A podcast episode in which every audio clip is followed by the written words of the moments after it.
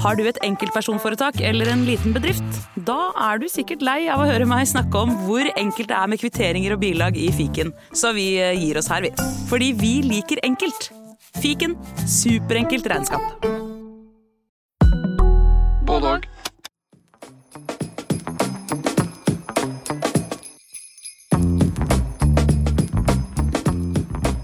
Dagens bok, som handler om en grublende gammel prest, vant Pulitzerprisen da den kom ut. Den ble også valgt av Opera til bokklubben hennes, som er kjent for å virkelig få fart på boksalget. Og den mottok masse skryt av selveste Barack Obama. Men som eh, Sigrid Strømmen skriver i en artikkel i Boktips, du trenger verken å være president eller prest for å få stor glede av Robinsons sterke skildringer. Ja, Marilyn Robinson hun er født i Idaho i 1943 og har skrevet fem romaner, fire av dem i samme serie. Hun har også gitt ut mange essaysamlinger og sakprosabøker og er kjent som en tenker, i tillegg til å være forfatter. Romanen hennes er satt til det Amerika som finnes utenfor byene. Altså småstedene, prærien, landsbyer, slettene, ødemarken generelt. Og hun skriver veldig mye om tro, og det å slite med troen, det å forsone seg med den, og leve av og med tro. Og i dag gleder jeg meg veldig, for jeg får besøk av en norsk samtidsforfatter som har blitt helt lamslått av dette universet. Det er nemlig Marie Aubert. Og hun og jeg vi skal prate om den første boka i Marilyn Robinsons serie, Gilead. Du hører på Boka er bedre. Mitt navn er Andreas Weier-Aasmo. Boka er bedre. Dagens gjest er utdannet journalist og har skrevet for bl.a. Bergens Tidende, Aftenposten og Dagsavisen og flere. Nå er hun forfatter, og det har også gått temmelig bra. To romaner, 'Voksne mennesker' og 'Jeg er egentlig ikke sånn', begge svært kritikerroste. Og novellesamlingen 'Kan jeg bli med deg hjem', som havnet på flere avisers liste over beste bøker for 2016.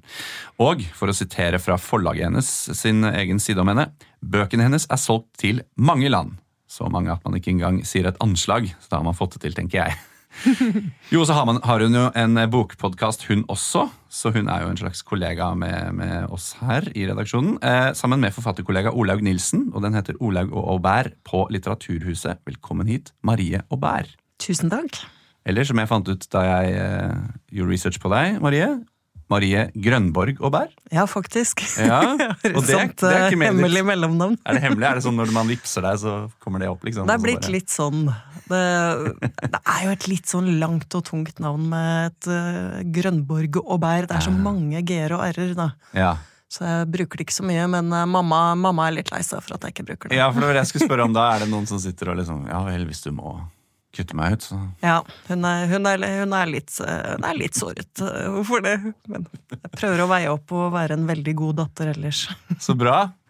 Vi skal jo snakke litt om dette, for boka du har valgt å snakke om, Marie, den eh, handler jo absolutt om familierelasjoner. Litt gode, litt dårlige, og også dette med å se, eh, se tilbake gjennom generasjoner.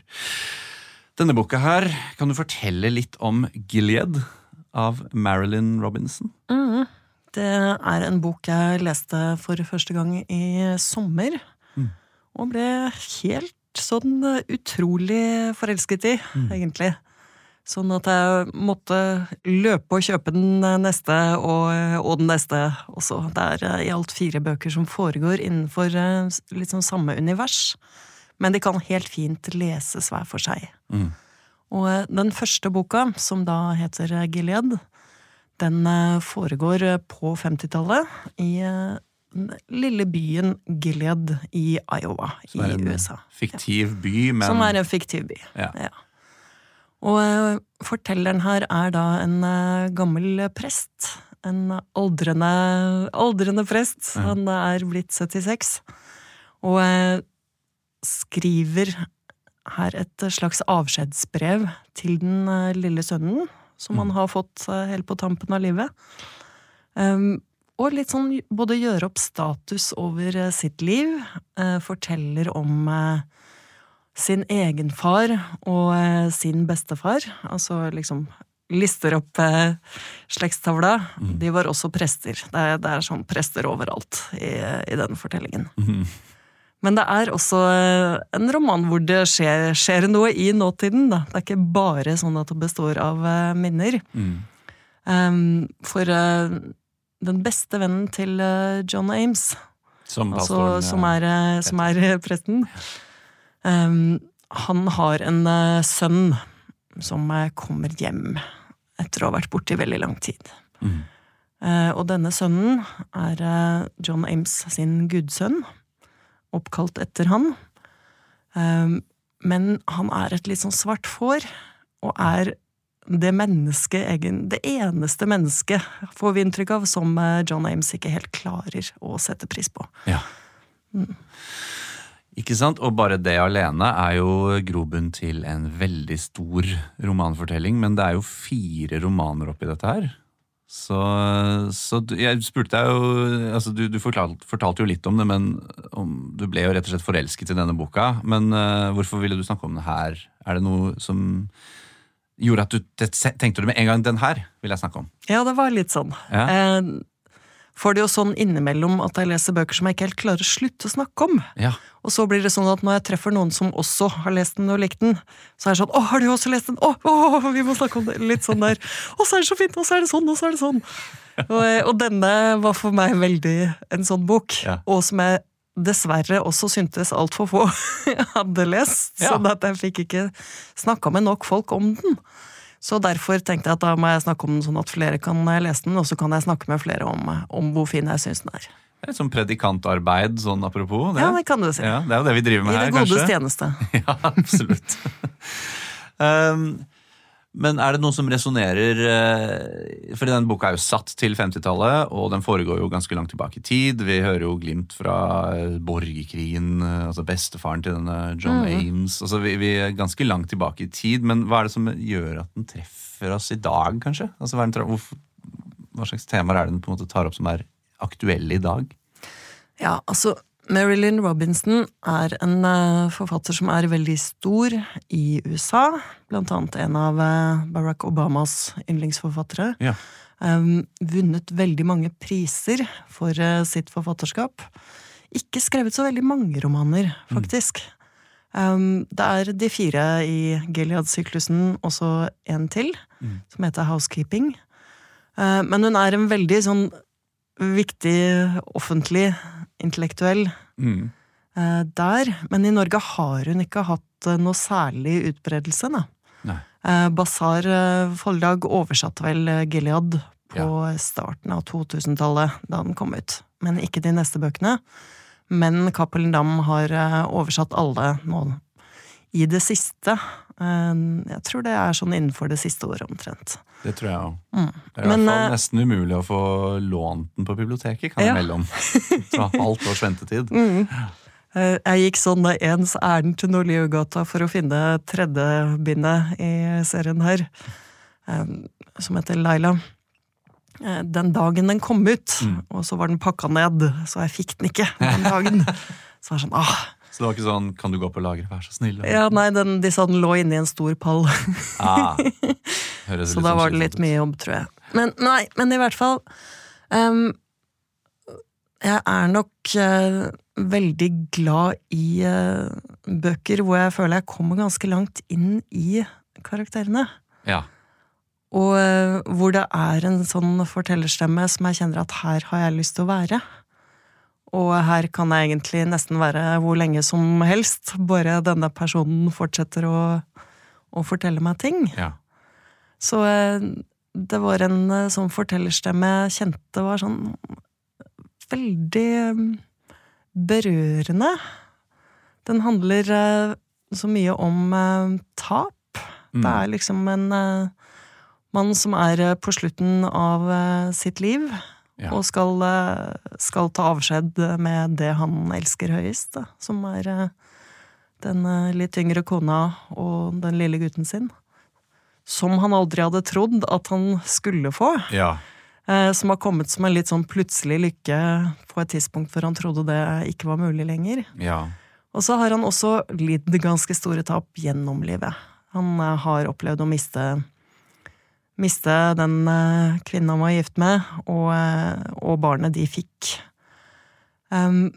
Så den handler mye om eh, både det å miste og å sørge og det å skulle ta avskjed. Mm. Men så er det også så enormt mye mm, kjærlighet. Både til andre mennesker og til det, det er veldig vanskelig å snakke om dette uten å bli sånn helt smekkfull av klisjeer, men det er sånn eh, Ja, kjærlighet til de omgivelsene Ja. han har. Ja. Til den der lille byen eh, som er et litt sånn håpløst eh, sted. Ja. Men eh, som tross alt er litt sånn den verden han har eh, valgt å avfinne seg med å leve i. Mm. Og den har en sånn begeistring for bare hvordan verden og naturen og eh, omgivelsene og mm, tingene kommer til oss og byr seg framfor oss helt gratis. Da. Så Ja. han eh, i, I mangel av et uh, mindre dumt uttrykk, så ville jeg si livsbejaende. Vet du hva, jeg altså, akkurat og tenkte livsbejaende. Ja, Men det Det, et sånn det er umulig uttrykk, å liksom ja. ikke komme på sånn en hyllest til livet, ikke sant? Men vi Som kan jeg jo- følte alle filmer het rundt år 2000 Ja. for øvrig. Ja, absolutt. Vi kan jo øh, For det, det er jo det, Alt dette som du snakker om, det ligger jo veldig i, øh, i stemmen. Eh, kanskje vi skal lese et lite utdrag for å for å gi et inntrykk av hvor sterkt dette formidles? Mm. Det her eh, er fra litt ut i boka. Um, altså, John Ames har eh, dårlig hjerte. Ja. Det får vi høre litt om her. Så, og har fått beskjed av legen om at det ikke er så lenge igjen. Så dette er en skildring av hans eh, fødselsdagsmorgen. Jeg våknet i morges til lukten av pannekaker, som jeg er veldig glad i.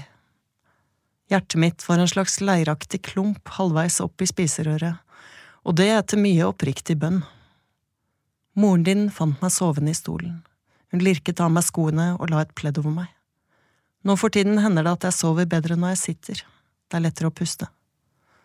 Jeg passet omhyggelig på å legge bort denne dagboken før jeg slo av lyset i går kveld.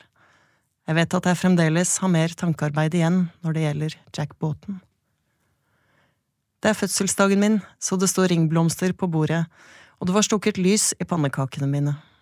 Ved siden av lå det noen fine, små pølser. Og du fremsa saligprisningene uten uhell, to ganger. Du lyste, kort og godt, på grunn av prestasjonens omfang, og med god grunn.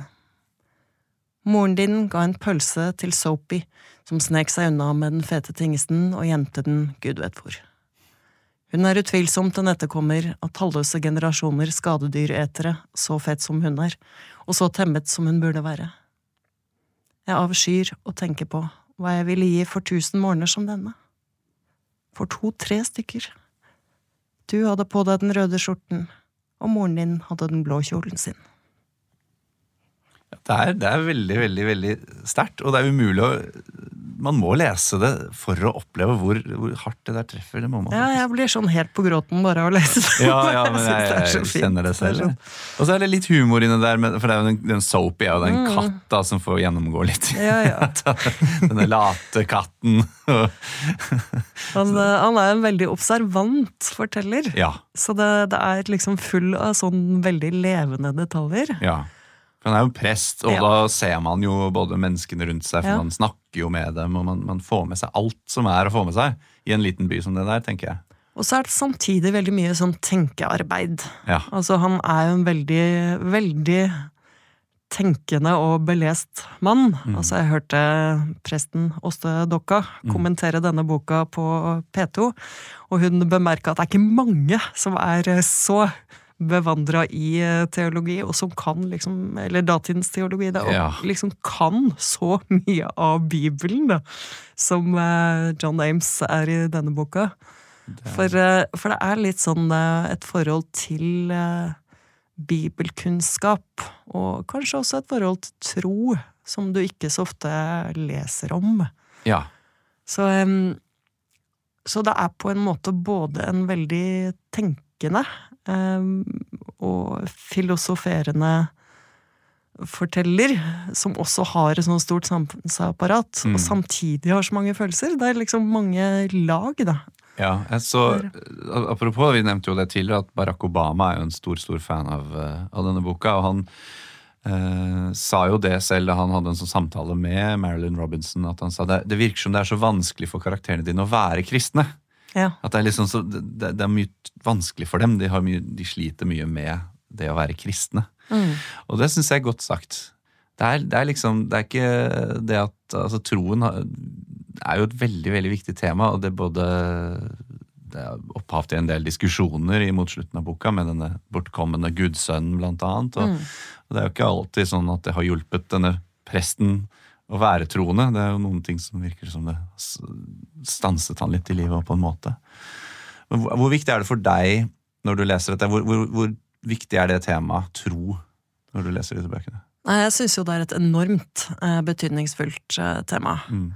Um, men det er um, Det er liksom en sånn framstilling av tro som ikke har så masse med grubling rundt Guds eksistens Ja, å gjøre. Det er Det er mer en sånn tro som er eh, nesten som lufta hovedpersonene puster inn. Den, den bare er der, på Mm. en måte. Og eh, forholdet til eh, kristendommen og til eh, troen er, eh, er liksom bare noe som er. Det, det er ikke noe de sånn går og grubler veldig mye over. Mm. Men de grubler veldig mye over hvordan de skal leve.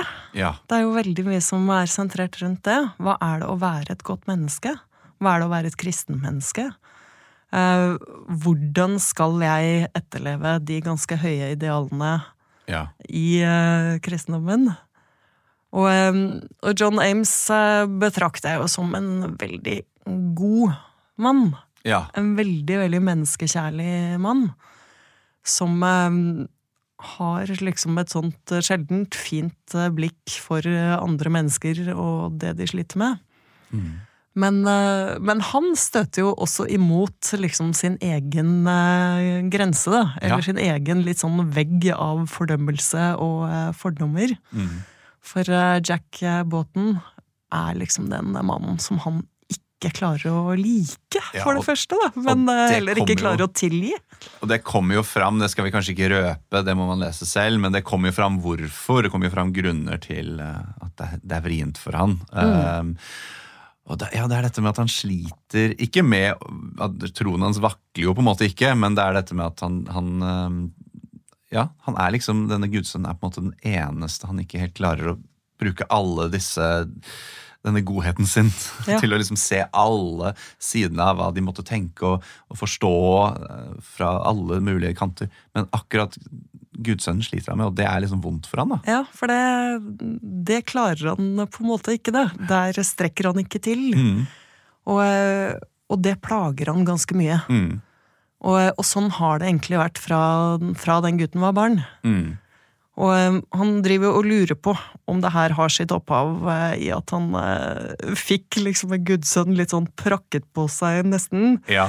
Eh, som en litt sånn gest fra, fra da sin bestevenn, den, Ja. den andre presten, sånn med at nå kalles dette barnet opp etter deg, for du var så uheldig å ikke få dine egne barn. ja, og det gjør jo veldig vondt. Ja, og uh, hvor han blir tatt litt på senga. Det er en veldig fin scene som Ja. han erindrer der, da.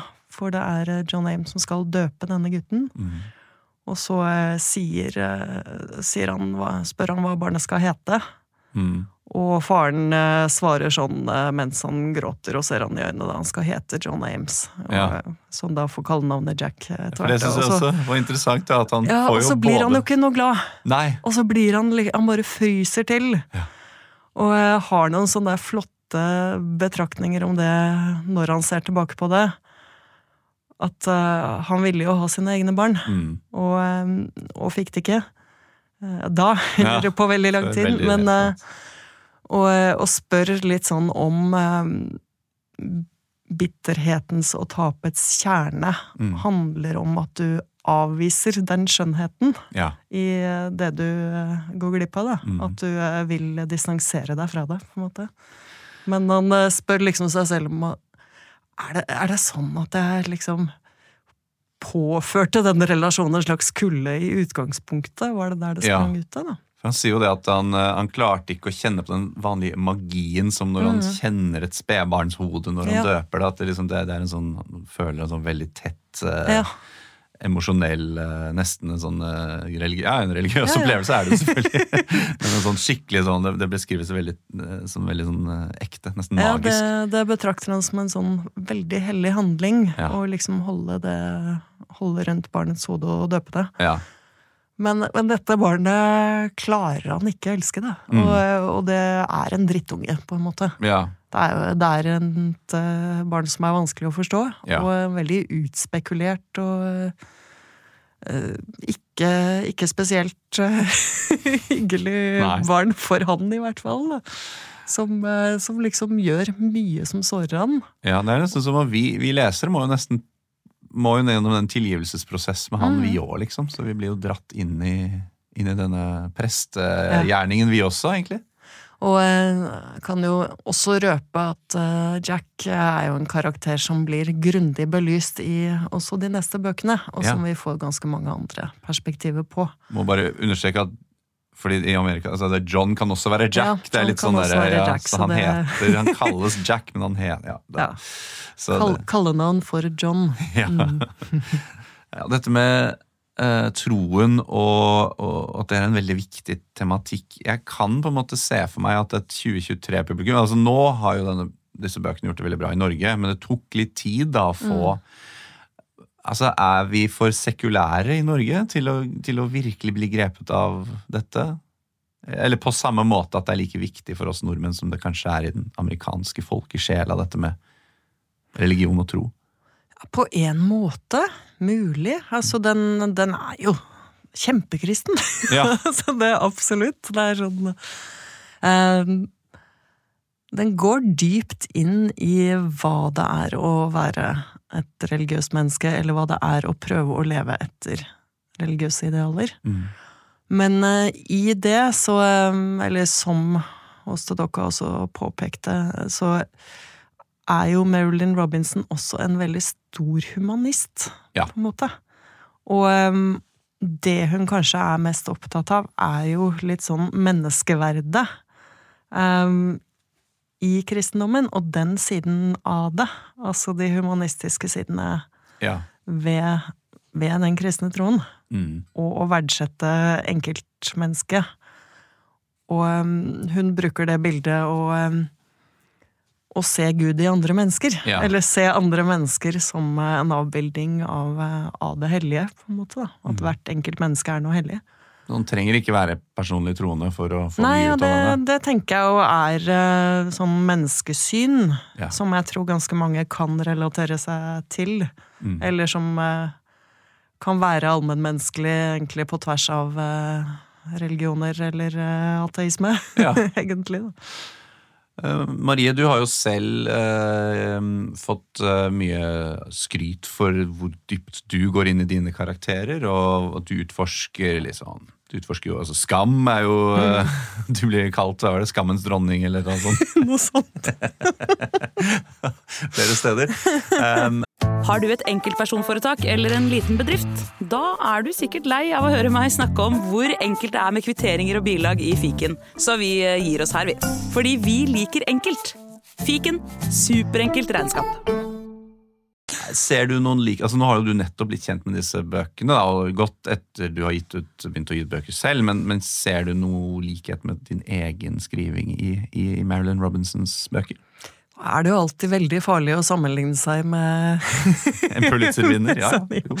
Men eh, jeg tror vel i hvert fall noe av grunnen til at disse treffer meg veldig, er vel at jeg i utgangspunktet er veldig interessert i eh, i karakterer jeg syns har veldig mange fasetter, og som du får lov å komme veldig tett på. Mm.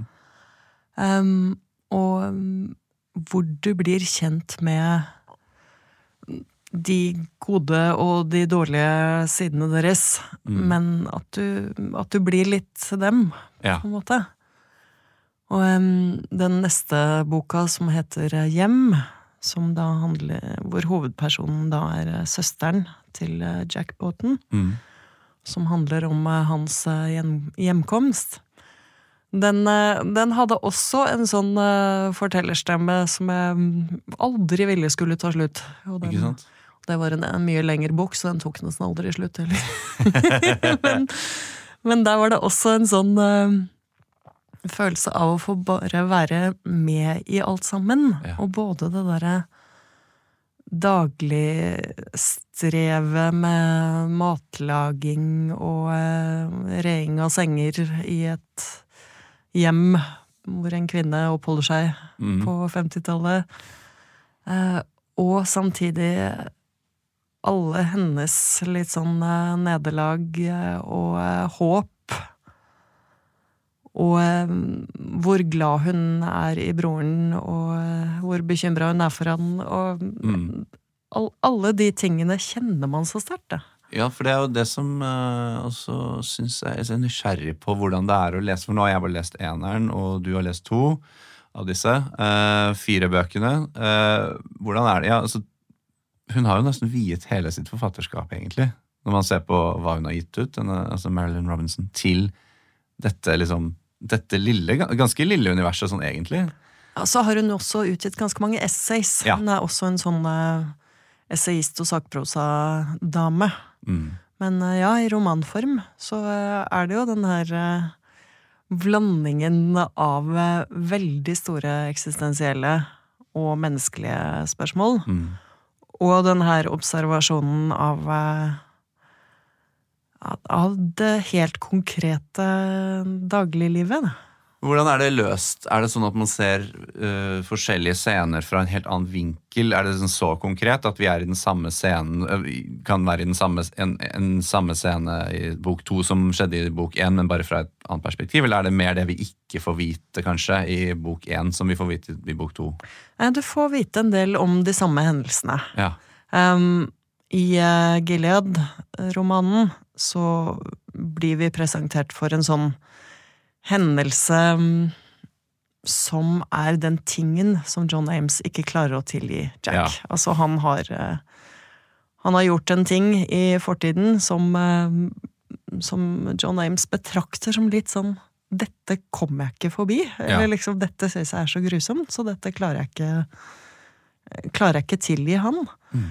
Og um, han holder en sånn veldig refsende preken, fordi han vet at uh, Jack er i kirken. Um, som er uh, nesten direkte rettet mot han. ja. Uh, og noe, det er noe han ellers aldri gjør. For han er jo um, Han prøver jo mye mer å være en som vil trøste, og en som vil lære bort. og være, Prøver jo å være en fin fyr, Ja, ja. på en måte. En prest, rett og slett. Men, men her blir han liksom tatt av sitt eget sinne, da, Mm. og behov for å sette Jack på plass. Og holder en ganske sånn skarp og, eh, skarp og sint eh, preken. Mm. Og, eh, og den episoden er en vi får eh, sett fra en annen vinkel i neste bok. Da, da får Ja. vi høre hvordan Jack har reagert på det, for eksempel. Ja. Og da vet vi mye mer. Så da blir jo det sånn dobbelt så grusomt. på en måte. For da vet vi eh, veldig mye mer om eh, både Jack og hvordan det er hjemme, og hvordan det er for Glory å ta imot han etter eh, at dette har skjedd. Ja. Så det blir jo hele tida en sånn um, lag på lag, hvor du får mer og mer innsikt i de her karakterene. Ja. Og skjønner også mer og mer av hvor hvor mye godt de gjør hverandre, og hvor mye vondt de gjør hverandre, uten å um, uten å nødvendigvis mene det. Mm. Og sånn tenker jeg jo mye av livet er, da. Eh, Nettopp. Ja. Eh, fordi Man tenker jo når man hører om eh, altså Serier handler jo ofte det spenner på en måte Eneren er før toeren, og så kronologisk sett, men her er det jo på en måte litt mer sånn ja, sånn, sånn, sånn lappeteppe. Så det er ganske, det er ganske, Jeg tenker at det er et ganske modig valg, da. Ja. Da må du Det det. klare å gjøre karakterene så interessante at det er greit å lese, liksom. Og ikke, hel- og ikke gå videre sånn tidsmessig, da. En hel bok om fortida til den ene, for eksempel. Ja. Eller, eh, ja. Og, eh, og går jo ganske mye tilbake i tid eh, også. Mm. um, i slektshistorie, nesten. da. Så John Names forteller ganske mye om eh, sin far, Mm. som også var prest, bestefar, som også var prest. Ja, ja. og eh, ruller opp ganske mye mm, både slekts, eh, slektsfortelling, men også mye amerikansk historie, tenker jeg. da. Absolutt. Mm. Det er jo Borgerkrigen Ja. er jo viktig for altså Bestefaren verver seg til borgerkrigen som en sånn uh... Kjempe mot slaveriet. Ja. Men, og- men han får jo en sånn stor eh, splittelse ja. eller, eller det blir en stor splittelse mellom eh, han og resten av familien. Mm. Fordi sønnen hans vil være pasifist, da. Mener at det å, å drepe andre mennesker i krig er uforenlig med, Ja. med den prestegjerningen, egentlig. Og dette er jo selvfølgelig, trenger nesten ikke å påpeke det engang, men her vi sitter i 2023, veldig relevant fortsatt. Mhm. Det er jo debatter som, som raser av sted, det. Pasifisme mot uh, interven, intervensjon. Ja, jeg ble også litt sånn uh, nesten overraska over at borgerkrigen i USA var så nær i tid. Ikke sant? For uh, selvfølgelig er jo 50-tallet lenge siden Ja. allerede. Um, men eh, men det, da er jo foreldrene mine født, Ja. for eksempel. Mm. Men, og så går det to generasjoner tilbake, Ja, og så så de det hadde kanskje besteforeldre som kunne vært Ja, ikke sant? Det er jo sånn Eller kanskje ikke helt. Men John Ames er jo ikke født på 50-tallet. Nei, det er sant. Men han er gammel på 50-tallet. Men, eh, men det der at du skal bare to generasjoner bak John Ames før Ja. det faktisk er uh, uh, Før borgerkrigen. Ja. Før du kommer dit. John Ames jo, lever jo gjennom uh, to verdenskriger. Mm. Uh, og han rekker jo ikke borgerkrigen, han er vel født i 1880 eller noe sånt. Så, eh, så vidt. Uh, og, en, og depresjonen og forferdelig tørke. Så vi får jo virkelig en sånn, ikke bare en amerikansk historie, men på en måte en verdenshistorie Ja. i, i disse hendelsene. Og, og det å tenke, ja, det er så For han snakker jo også om, når, han er, når vi er i nåtid i boka, snakker han jo om at sønnen sitter og ser på TV. Og da fikk jeg litt sånn Hæ? Å ja, vi har TV, ja. Ok, ja. For plutselig er vi, er vi Så vi har gått fra liksom eh, Fra borgerkrig nesten til å sitte og se på TV-serier. Ja, jeg reagerte også sånn på det. For det, det, er et langt stykke så er det som om denne fortellingen kunne foregått på 1700-tallet. Ikke Nesten. sant? Ja. Også fordi det er hvordan denne byen virker å være litt sånn lagt opp. Ja. Altså det virker å være, Se for meg den støvete prærien og det- Ja, som sagt, det kunne vært på En 1700-tallet. En stund er det liksom sånn, og så kommer det plutselig noen markører som sier at dette Ja. er jo Her er vi i en modernitet. Plutselig er det sånn at eh, noen blir hentet i en bil og Ja, det er, det er skikkelig det, det, er skikkelig rart. En sånn Men, eh, men det viser jo på en måte også at han er en eh, avtroppende Ja. Et avtroppende menneske, Mm. på en måte, da. Eller han er Han er jo fra en annen tid enn den sønnen hans vokser opp i. ja. Og så vet han at dette kommer ikke til å bli hans, Mm. på en måte. Fordi det er jo, eh, Jeg satt og tenkte på det en del. Jeg leste at han, eh, denne lille sønnen, han vil jo han vil jo være rundt 70, kanskje nesten 75 i Mm. dag. Eh, Så det er jo ikke så Det er jo liksom ikke så lenge siden. Nei, det er Vi skildrer jo en hverdag som eh, mange gamle mennesker har på en måte ikke vokst opp med, men samme tid, da. Mm. Um, vi snakket om en annen bok her rett før vi gikk på, eh, på lufta. her, si. Det er, som eh, vi begge på en måte er litt enige i at det har noen likhetstrekk. eh, og Det er jo detaljene av Ia Gjenberg. Gjenberg. Gjenberg. Ja, for jeg hadde jo Gine Cornelia Pedersen som snakket om den med meg på den Ja. podcasten, og jeg, dårlig at jeg fortsatt ikke klarer å huske hvordan man sier Gjenberg. Gjenberg. Men det er jo også litt sånn ehm, man kan si ikke stillestående eh, handlingsmessig, for det er det jo ikke, men tilsynelatende fortelles jo historien gjennom disse karakterene og, og, og Ja. Det er jo ikke en sånn veldig handlingsmettet roman sett fra utsiden. Eh, var det litt det, det samme som traff deg? At det er liksom samme ro og, over boka?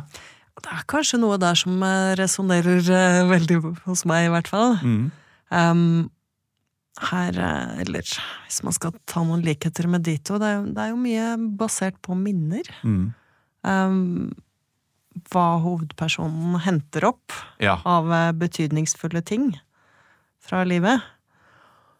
Og den der viktigheten av andre mennesker. Da. ja. Den syns jeg jo er sånn noe som peker seg ut um, i, i begge de to ja. bøkene. At det er menneskene som gjør Altså de menneskene du har rundt deg, som gjør opp et liv. Ja. Ikke nødvendigvis alt du gjør. Mm. Ja, det, er det uh, Er det sånn type bøker du ser etter? At det er liksom sånn Ja, Uh, mer på det liksom Med det mell men mellommenneskelige da, enn på en måte handlingen som står bak på boka. Der er vel svaret tja. Jeg, leser jo breiere enn det, Ja. selvfølgelig. Men, ehm, men når noen eh, klarer det så godt, så treffer det meg i hvert fall veldig. Mm. Så, så da blir det ofte sånn at jeg merker at, eh, at den boka eller den karakteren har en tendens til å sitte i veldig. Da. Ja. Mm. For dette her er jo også en, eh, det man kan kalle en brevroman. Den er skrevet i brevform, eh, helt utelukkende. Kunne den ha blitt fortalt på en annen måte, eller hadde det liksom tatt bort effekten av det vi opplever når vi leser boka? Altså, den kunne jo um, sikkert vært veldig bra i tredjeperson eh, også. Ja. Eh, Den boka om eh, Glory, som er den neste, er i, er i tredjeperson. Nå er det, ja. okay. Ok. Mm. Men eh, det er jo en sånn veldig dimensjon i at det er et avskjedsbrev. Mm. Og at det er um, til en helt konkret person. En liten gutt som eh, Som han ikke vet om kommer til å huske han når han blir Nei. voksen. Fordi han vet at han uh, kommer til å dø fra han før han blir uh, så veldig stor. Mm. Han er vel seks år uh, i den fortellingen. Og det at hele boka er skrevet til et sånn du, Ja. det syns jeg virker eh, fryktelig sterkt Det gjør å lese. For det mm, Det er liksom noe sånn veldig stillferdig og eh, tenksomt og litt sånn kontemplerende. Mm. Men så innimellom så stiger det jo en sånn veldig smerte ja. igjennom, hvor eh, Hvor han liksom eh, ikke klarer å ja, ikke klarer å legge fra seg, selvfølgelig, den Eller hvor det blir for mye å bære den sorgen over at han ikke skal få se sønnen vokse opp. Ikke sant? Ja. Hvor det liksom brister igjennom en sånn 'jeg har ikke noe ønske om å være død'. Ja. sånn, eh, Ja, det er veldig, det er det er der boka treffer best for meg òg. Ja. når han plutselig liksom Ja. Det, det, det savnet etter Eller det kommende savnet etter livet. Det Mm. han kommer til å savne med liksom bare det å se på han På siste side så er det noe sånn 'Jeg elsker prærien', og så Ja. snakker han om hvor mye han kommer til å savne denne fantastiske Ja, å se soloppgangen over prærien ja. liksom er Det er vel den avsluttende passasjen i boka. Ja. Og det er jo også veldig flott at det er noe sånn helt konkret eh, Ja.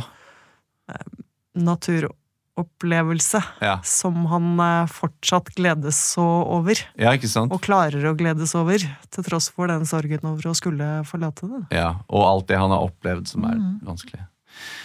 Men eh, en lang stund så trodde jeg jo at eh, Gilead hadde noe med uh, Margaret Atwood Ja. å gjøre.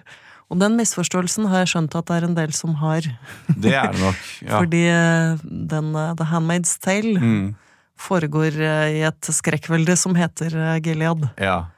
Så eh, en stund før jeg fikk høre litt mer om hva, hva disse bøkene var, så Mhm. hadde jeg en eller annen forestilling om at det hadde noe med det å gjøre. ja. At, at det var noe sånn veldig, veldig sært religiøst. Ja, ikke sant? Fordi. Gilead er en referanse til noe i Bibelen. Ja, Ja. det er et uh, bibelsk stedsnavn. Mm. Mm.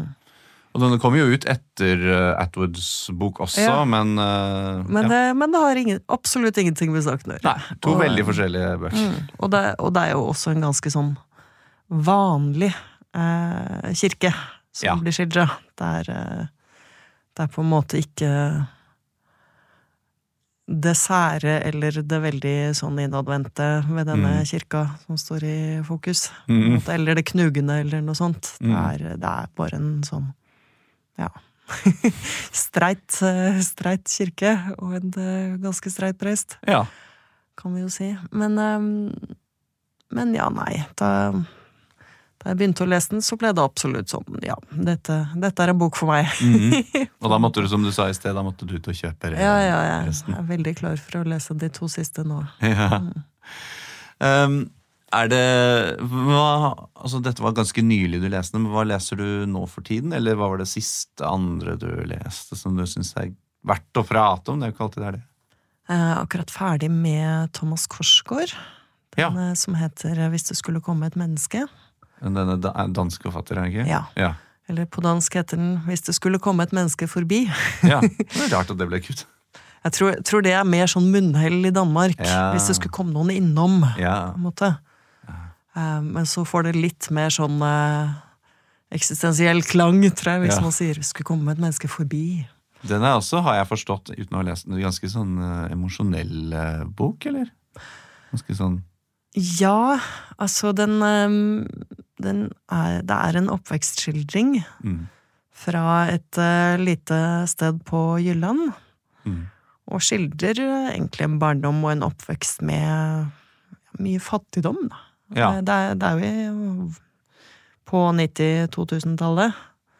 Eh, Men eh, fattigdom og mye sånn vold og, og omsorgssvikt. Ja.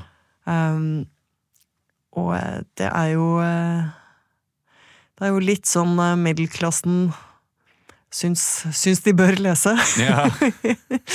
Eh, og syns de leser for lite arbeiderklasselitteratur. Mm. Men, det er, eh, men det er en eh, ordentlig god roman. Det var hans debut, og det er den første i en, i en trilogi. ja okay. Som alle handler om den samme gutten ja. og hans oppvekst. Så det har noen, noen likhetstrekk, hører jeg. Ja, og, og han er jo ikke sånn fryktelig langt fra den oppveksten Edouard Louis skildrer i 'Farvel til Lady Belgøll' Ja. og videre romaner. Um, å være en, eh, en homofil gutt Ja. i et lite samfunn hvor det er veldig uhørt, ja. um, og hvor de sosiale problemene er såpass store at at folk har veldig mye andre ting å tenke på ja. og ikke så mye overskudd til eh, å håndtere annerledeshet, Nei. kan man vel også si. Så den er sånn eh, brutal og eh, absurd og ganske vond, Mm. og veldig morsom. Ja, ikke sant? Sånn er, det. Det er bra. Ja, Jeg skulle spørre, Får du aldri lyst til å lese noe som er liksom veldig feel good? Jo, jo. Du kan godt lese veldig feel good også. Hva, hva, hva er eksempel på feel good? Nå er det jeg som kommer med det ordet, da. Men eh, Ikke sant? Nå må jeg åpne Goodreads for å se hva jeg har lest. For, Ja. uh, Dette er den eneste måten jeg holder styr på hvilke bøker jeg ja, det er sa, samme her, altså. Fordi Mange vil jo kanskje også si at selv om det er ganske, det er ganske mye liksom, dystert og fælt som skjer i Gilead, og, og sannsynligvis de påfølgende bøkene òg, men, men uh, mange vil jo kanskje si at dette er litt feel good.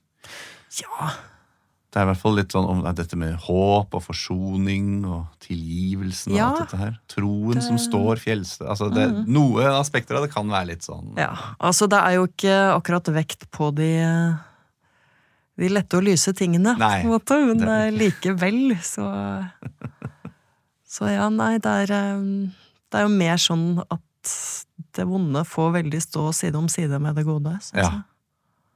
Jeg klarer ikke å finne noe som jeg ville betegne som rent feelgood her. Nei. Det er ikke så lett. Alt har jo en konflikt, da. Alt har en konflikt. Alt skal gjerne ha uh, Ja, og det skal være noe litt eh, fælt som skjer, på en måte. Mm. Så, sånn er det jo i litteraturen. Eller det skal i hvert fall være noe viktig som skjer. ja. Noe Ja. som har litt tyngde, i hvert fall. Det trenger ikke være fælt, men det må være viktig. Ja. Ja. Eh, Men eh, når folk kommer til deg, Marie, og spør om en bokanbefaling Jeg ser jo for meg at det må jo skje. Du er jo forfatter, og du er jo en leser. Um, hva slags menneske er det du anbefaler disse bøkene her til? Hvem er det som kan ha glede av dette? Mm. Du bør nok være en uh, bitte litt tålmodig leser. Ja. Det tenker jeg. For um, det er ikke handlingsmettet. Nei. Det er ganske mye tenking. Det er ganske mye tilbakeskuing. Um, men du blir veldig belønnet for det. Ja. Ja. Det er jo noen sånne der eh, helt fantastiske passasjer eh, bare med refleksjon, mm. syns jeg. Så hvor han reflekterer over eh, tap, eller over eh, å verdsette den han er eh, gift med, eller Ja, eller Frarin. Ja. som eh, har en sånn langsomhet, Ja. men som eh, i hvert fall jeg blir veldig sånn slått av sånn Herregud, dette er flott. Liksom. Eller, dette, eller dette er sant. Mm. Det også. Um, Og så er du ikke nødt til å være kristen. Det, det, hjelper, det hjelper kanskje å være litt over gjennomsnittet interessert i um, i trosspørsmål. Det kan, det kan hende. Det kan jo det. Kan Ja. nok det. Men uh, Men, men ikke nødt, vil jeg si. som du sa, da, det er jo ganske humanistisk syn, så Ja. jeg tror nok at hvis man også bare er opptatt av mennesker Mm. Ja, ja. Min, eh, min svigermor uh, sa at det, Eller da jeg sa at jeg leste det, så var det liksom åh, så flott, liksom. Ja, Selv, selv for en hedning, sa hun. Mente du at du er en hedning? Nei, hun. hun. Er, hun er en hedning, ja. Har du en hedning til svigermor, ja? Det er gøy. Altså, ja, nei. Like karakterdrevne Ja. bøker kan vel kanskje også være et stikkord. Ja. Mm. Jeg syns det er eh, en god anbefaling, måte å anbefale boka på. Mm. Så hvis du er, eh, kjenner deg igjen Du kan være både hedning og troende, du kan, men eh, fint om du liker litt karakterer. Greit å i hvert fall være litt tålmodig. Marie Aubert, tusen takk for at du har vært med på Boka er bedre. Tusen takk for at jeg fikk komme. Du har hørt på Boka er bedre. Produsent har vært Felix Sullivan. Tekniker har vært Olav Nedberget. Boka er bedre er produsert av både og med Stian Lettesier. Og mitt navn er Andreas Weier Osvold.